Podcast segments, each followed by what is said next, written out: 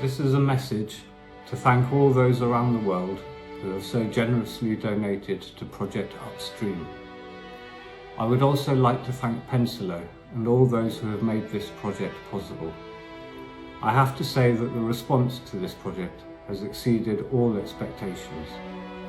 To have raised over half a million US dollars in just three days is absolutely incredible and unprecedented.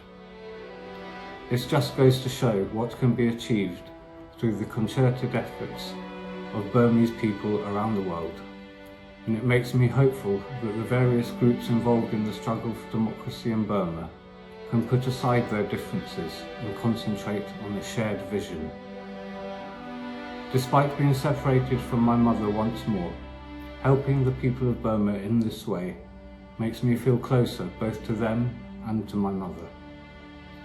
In 1991, my mother won the Nobel Peace Prize. With the $1.3 million prize monies, she established a health and education trust for the people of Burma.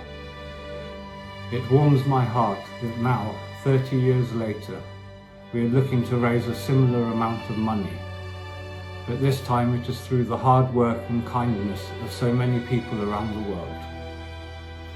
Whilst the majority of donations are from a small group of countries, I am very conscious that every donation is significant and a poignant reminder not only of the warmth and kindness of people in general, but also of their solidarity with those in desperate need of support and aid.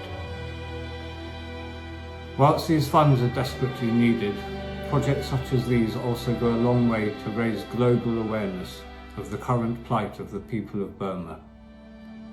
It is my sincere hope that this increased awareness will be a force for positive action and constructive change.